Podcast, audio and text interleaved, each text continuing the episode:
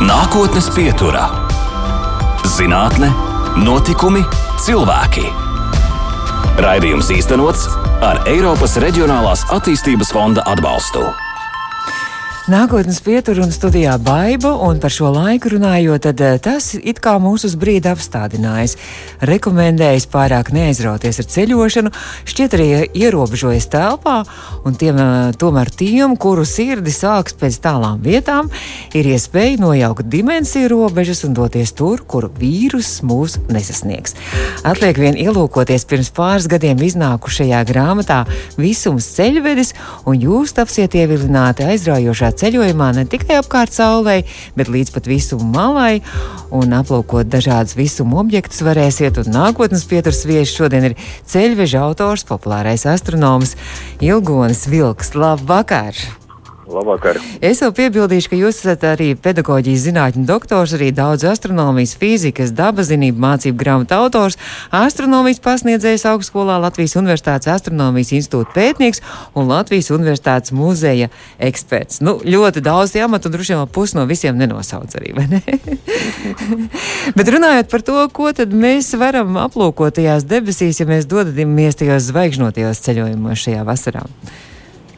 Nu, vasaras debesis naktī ir gaišas, eh, bet eh, viņām ir savs burvīgums. Piemēram, eh, pagājušā naktī skatījos sudrabainos mākoņus tie ir augstākie mākoņi Zemes atmosfērā. Labi, jā, tātad tas nav kosmosā, bet uh, nu, izskatās ļoti iespaidīgi. Tie nav parasti mākoņi, kā domā, nu kaut kādi tumši naktī varētu būt.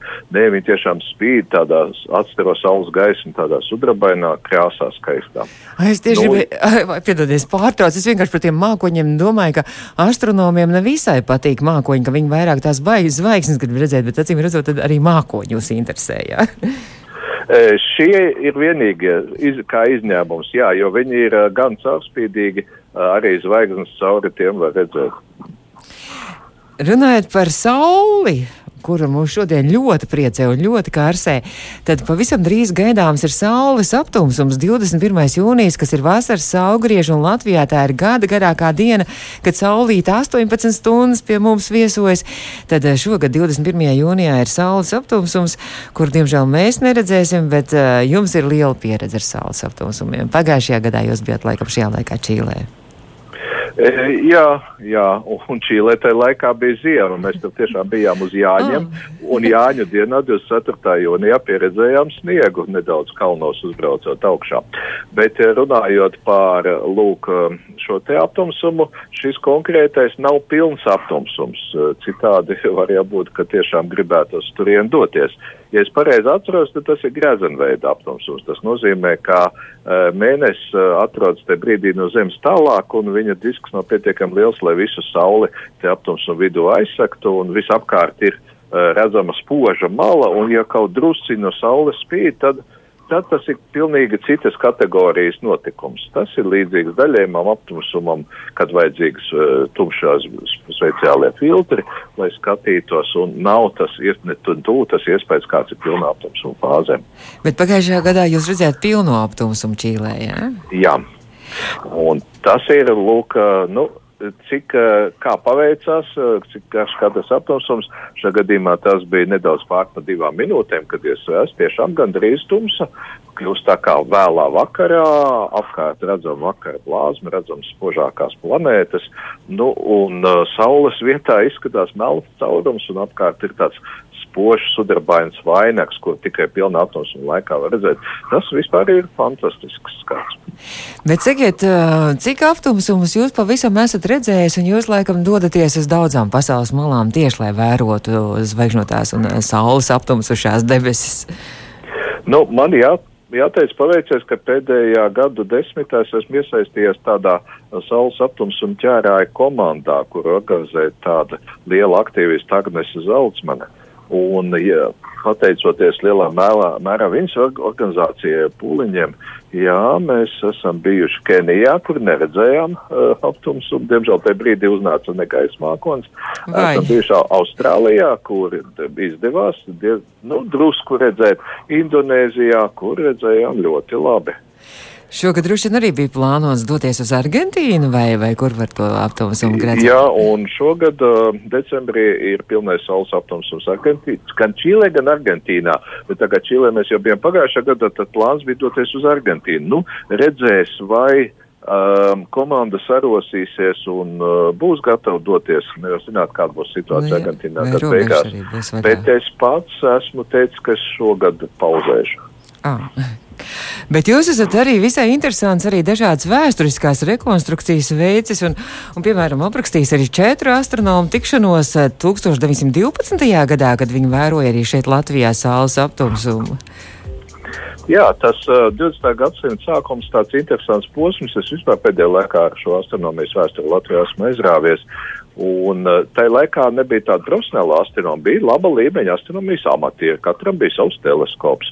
Un viens grāmatu izdevējs, viens lūk, uh, students, nākamais, ko raķešu zinēja būvētājs Sanders. Uh, tad viens skolotājs no Jēlgavas. Un, jā, un vēl ārsts lokā. Ja tepat netālu, es pats arī dzīvoju Jūrmalā. Un, lūk, tas saules aptumsums, kas arī bija grezenveida, viņus saveda kopā.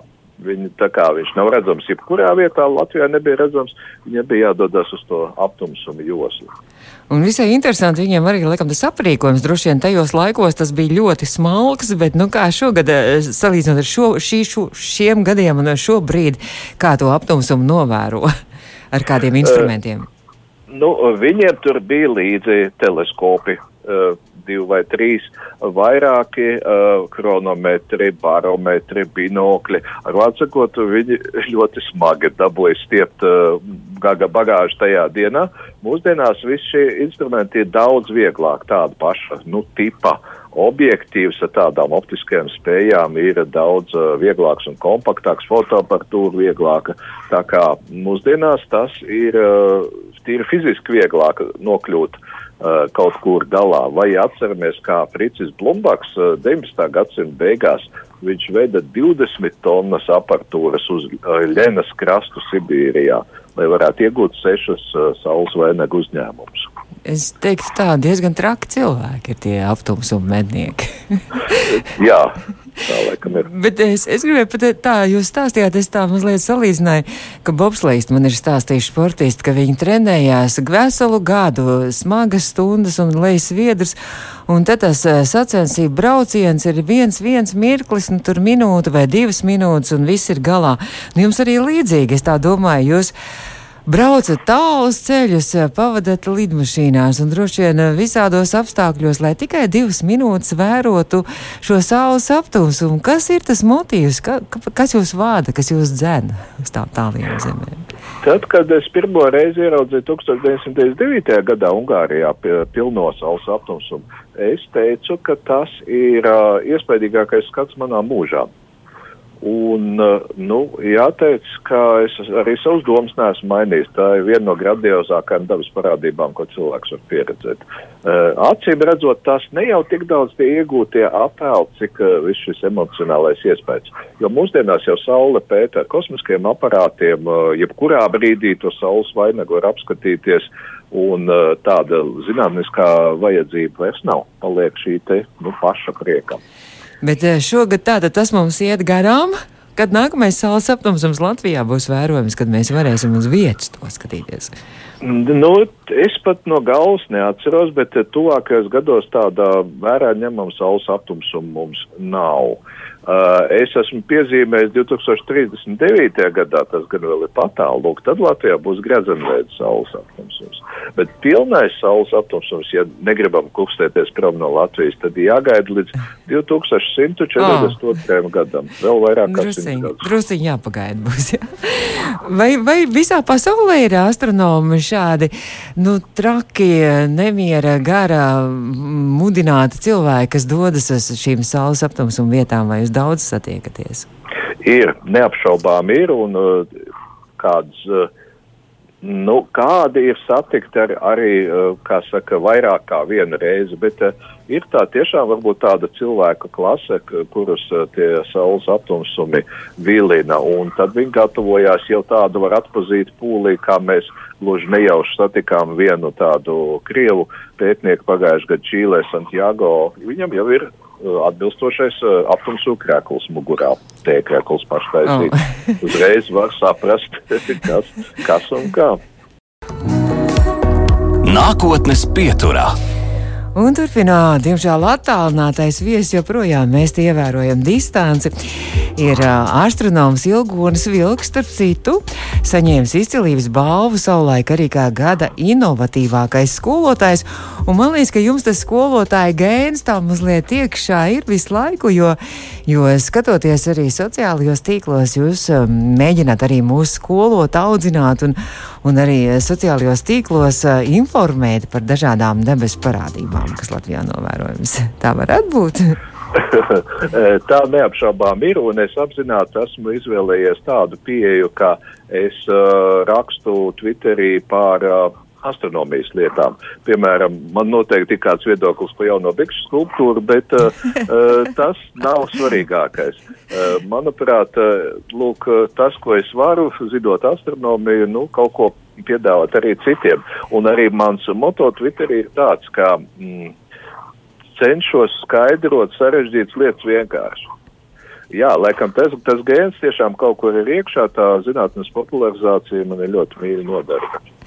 Runājot par to, kas interesants Latvijā šajā vasarā ir gaidāms, tad ir tāda vēsturiska jubileja. 200 gadi apritēs kopš nokritis līksnas meteorīts. Jā, klausītāji nav dzirdējuši par šo līksnas meteorītu, kas tas tāds ir un kas tā, vai tā jubileja tiešām tad ir tik vēsturiska un ievērojama. Nu, redz, uh mums eh, šajā tādā ziņā ir viegli eh, svinēt šādas meteorītiem saistītas jubilejas, jo Latvijas teritorijā ir krituši tikai četri meteorīti. Un pirmais nokrita 1820. gadā un pēdējais 1890. gadā. Mm. Viss 20. gadsimts ir pagājis, un tagad jau arī 21. krietni jau ir iegājies. Gadsimts ir pagājuši bez meteorīta atradumiem uh, Latvijā. Man jau 30 gadus cilvēki nes visāds aizdomīgs akmeņus, un es turpinu cerēt un pagaidām kā nav, tā nav. Bet atgriežoties pie līksnes meteorīta, visi šie gan līksnes, gan visi pārējie trīs bija tie gadījumi, kad, um, jā, jā, ja laikam nemaldos, visi krita dienā, cilvēki dzirdēja troksni, redzēja ugunsbumbu pa gaisu lidojam, un tad gāja meklēt, eh, kur varētu būt nokritis meteorīts. Un atrada nepārāk dziļās bedrēs, un dažāda tā masa ir bijusi no kādiem 5 līdz 16 kg, kā kuram meteorītam. Be, un, nu, tad, tad vietējie baroni veda vai nu paši pētīja, vai veda zinātniekiem uz Rīgu, un noskaidroja, jā, tiešām debesu akmens. Mums ir saglabājušies kaut kādi fragmenti no šī meteorīta šobrīd. Un tā kā lūk, ir pagājuši 200 gadi, tad uh, meteorīta gabaliņi ir izklīduši pa pasauli. Uh, Latvijas Universitātes muzejā glabājās divi nelieli baltotas meteorīta gabaliņi, kas bija tas pēdējais 1890. gadā. Bet tie pārējie, kas bija biržu bullīšu, līksnes un neredz meteorīts, tie bija izklīduši pa pasauli, pa dažādām kolekcijām, tā skaitā uh, Tartu mineraloģijas muzejās esmu turējis rokā lielu met, nerets meteorītu gabalu un, un ar, ar nožēlu bija likt spiest viņu nolikt atpakaļ, nevarēja ņemt līdzi. Bet um, ir tāds uh, mazais meteorītu muzejs Latvijā. Kārls Pērziņš to ir izveidojis. Uh, kur viņš ir savācis nu, kaut vai pa nelielām tādām kripatiņām, nelielām plāksnītēm, bet no visiem četriem Latvijas meteorītiem. Tā kā viņi pēdējos gados vismaz pa fragmentiem ir atgriezušies pie mums. Kāpēc ir kāds skaidrojums, kāpēc viņi šobrīd vairs nekrīt, un paldies Dievam, ka nekrīt īstenībā Latvijā vismaz? Uh, tā ir tīra statistika. Mm var arī nokrist eh, kaut vai šovakar vai, vai. šajā, šajā gadā. Bet, nu, saprotam, ka Latvijas teritorija, salīdzinot visu pasauli, nav liela. Visā pasaulē atrod gadā, nu, tādus nokritušus. Nu, varbūt eh, pāris desmiti tādu gadījumu. Var, kā, atkal, kā kuru gadu, reizēm vairāk, reizēm mazāk. Uh, tā kā, nu, tādā ziņā mums ir vai nav paveicies. Uh, ka jā, vairāk nav nokritis nekas. Kāda šobrīd tā aparatūra? Droši vien, ka var jau arī prognozēt un kaut kādā veidā arī varbūt novirzīt šos meteorītus, vai nav iespējams tomēr? Nē, novirzīt nav iespējams eh, pagaidām, un eh, šobrīd tā situācija ir tāda, ka ir gadījumi, kad uh, nu, nekādi nevar iepriekš uzzināt, piemēram, Čeļabinskas meteorīts, viņš lidoja no Saules puses, tātad, nu, kur nevar novērojams naktī ar teleskopu veikt, par viņu pastāvēšanu nekas nebija zināms. Uh, 2013. gadā, bet da, dažus gadus iepriekš līdzīga nu, izmēra objekts tika pamanīts divas dienas iepriekš, pirms viņš nokrita, un tad jau var izreikināt, pateikt, lūk, viņš nokritīs tur un tur, viņš uzsprāga gaisā virs Sudānas, Āfrikā. Uh, bet tādi pavisam maziņi, tādi kā Latvijā krituši, nu, tos uh, iepriekš ieraudzīt neizdosies. Ko mēs varēsim vēl ieraudzīt uh, šajā vasarā vai šajā gadā Latvijā?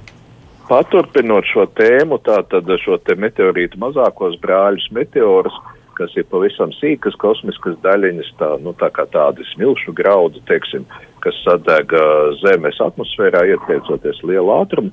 Meteorus, persīdu meteoru plūsmu mēs varēsim vērot ap 13. augustu, tā jau ir katru gadu, un nekad arī nepieviļ, tā ir pietiekami spēcīga, tad, kad nu, pacietīgs vērotājs stundas laikā vairākas desmitas meteoru šo gaismas švīku debesīs redzēs, un kāds varbūt izteikti spoši, tā kā, um, nu, radīsies vēlēšanās, ā, skaļi iesaukties.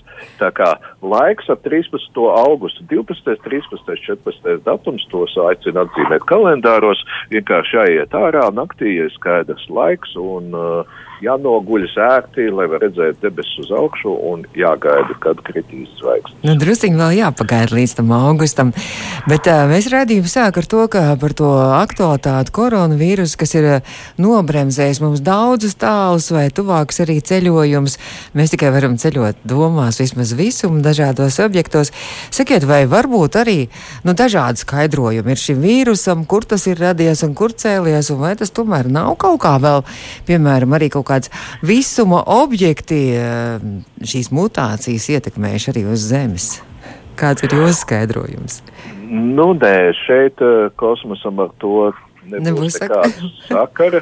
Kaut arī es varu, kā saka, vienu pagalu piemest tajā sazvērestības teoriju ugunskurā, ir viens tāds, eh, nu, teiksim, diezgan audios zinātnieks Čandra Vikramasinks, kurš uzskata, ka, piemēram, gripas vīrus pie mums nāk no Venēras kurš atpūš mm. ar saules vēju, bet uh, nu, viņš ir vienīgais tāds, kas šādi domā, citi ne, nesaskata šādu iespējamo mehānismu.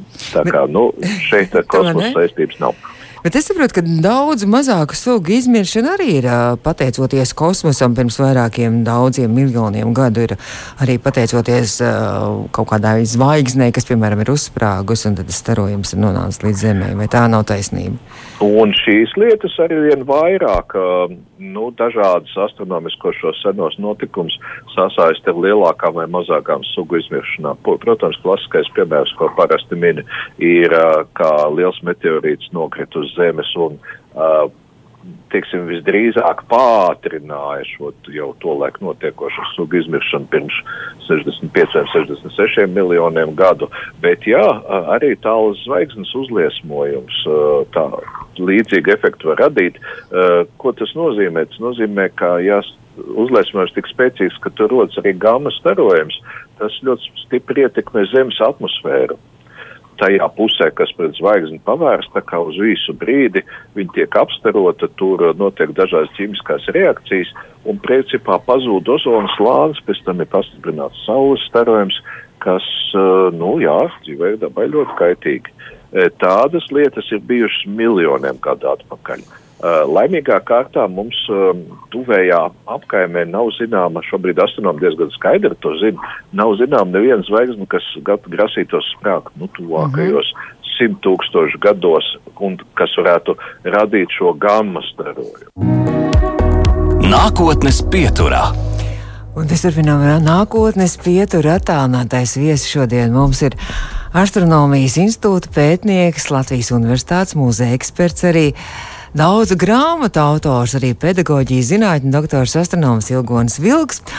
Un, runājot par astronomiju, tad es saprotu, ka jūs astronomijā esat pievērsies pateicoties pirmajai pusauģa gada mīlestībai, un to sauca Kohoteka komēta. Vai tā ir taisnība? Vismaz tā es lasīju. jā, jā, jā. tā, tā, tas, tā tas ir. Kaut arī neliela interese man bija arī pirms tam agrāk. Un tas sakrit to laiku, kad tēvs man ļāva izmantot viņa rīcībā esošo tālskati, ar kuru es skatījos tur mēnesi un Jupiteru, un tad pēkšņi, lūk, komēta parādījās, un uh, mamma veda man uz Baldonas observatoriju to komētu paskatīties, un kaut kas te visā tā sakrita kopā, gan tas komētas skats teleskopā, gan, nu, vis, visi tie apstākļi, Un, un tobrīd um, man sagribējās rast atbildes uz, uz visiem uh, jautājumiem astronomijas.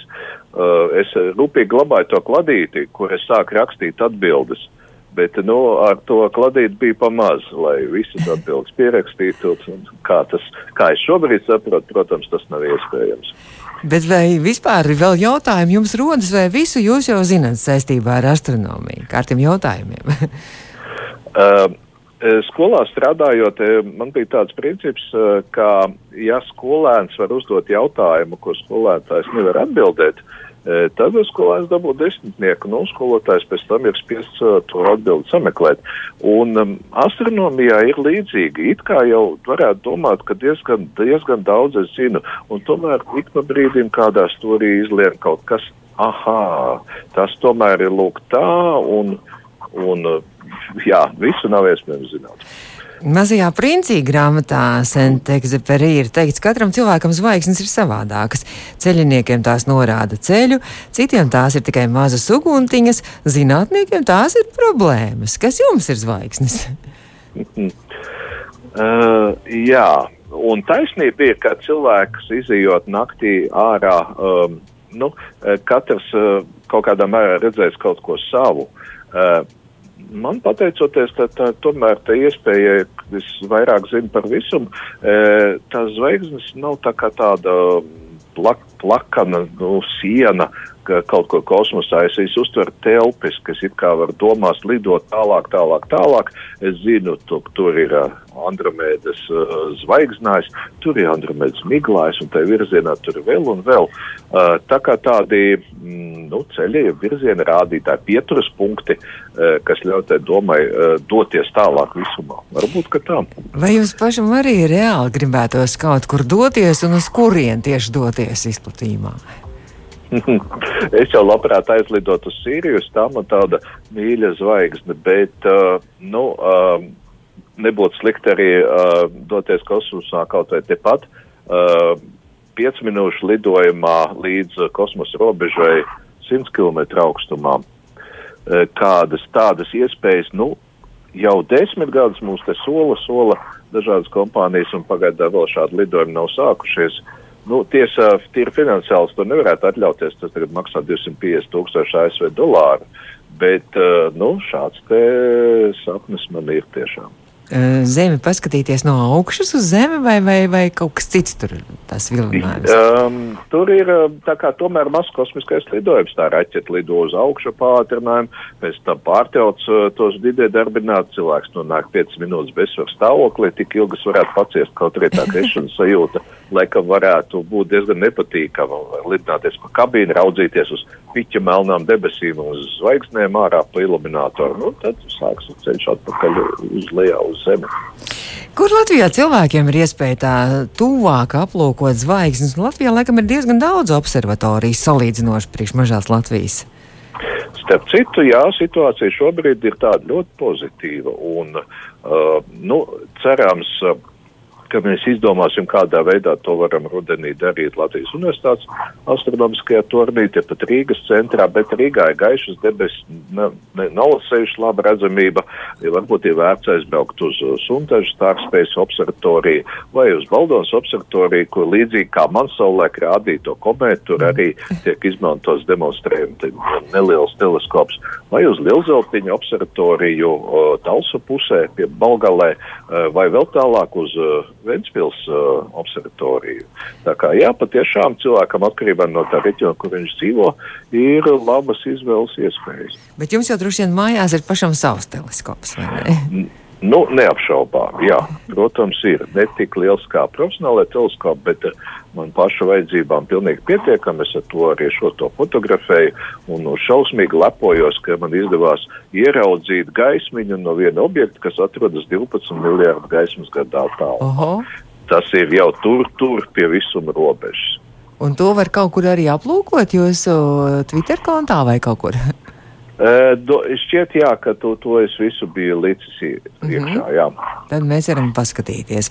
Sakiet, ko var redzēt Latvijas Universitātes muzejā, kur jūs esat eksperts? Jo mēs ejam, vai mēs tur tā varam aiziet ciemos un apskatīties? Jā, jā, muzejs uh, darbojās, muzejs ir atvērts tagad jau pēc šīs tā kā situācijas beigām. Nelielās grupās vai individuāls apmeklētājs varam uzņemt. Mums jau tur ir ļoti daudz dažādas jomas. Mums tur ir zooloģija, botānika, cilvēka patoloģija. Pašas universitātes vēsture, geoloģija, bet es esmu eksperts tieši astronomijas jomā. Tātad tā sauc Friedricha Candera Latvijas astronomijas kolekcija. Uh, kur ir tātad gan ekspozīcija par šo te mūsu slavenu raķešu zinātnieku, eh, rīdzinieku Friedrichs Sander, gan arī par visu Latvijas astronomijas vēsturi, nu, nu, no sākuma līdz mūsdienām.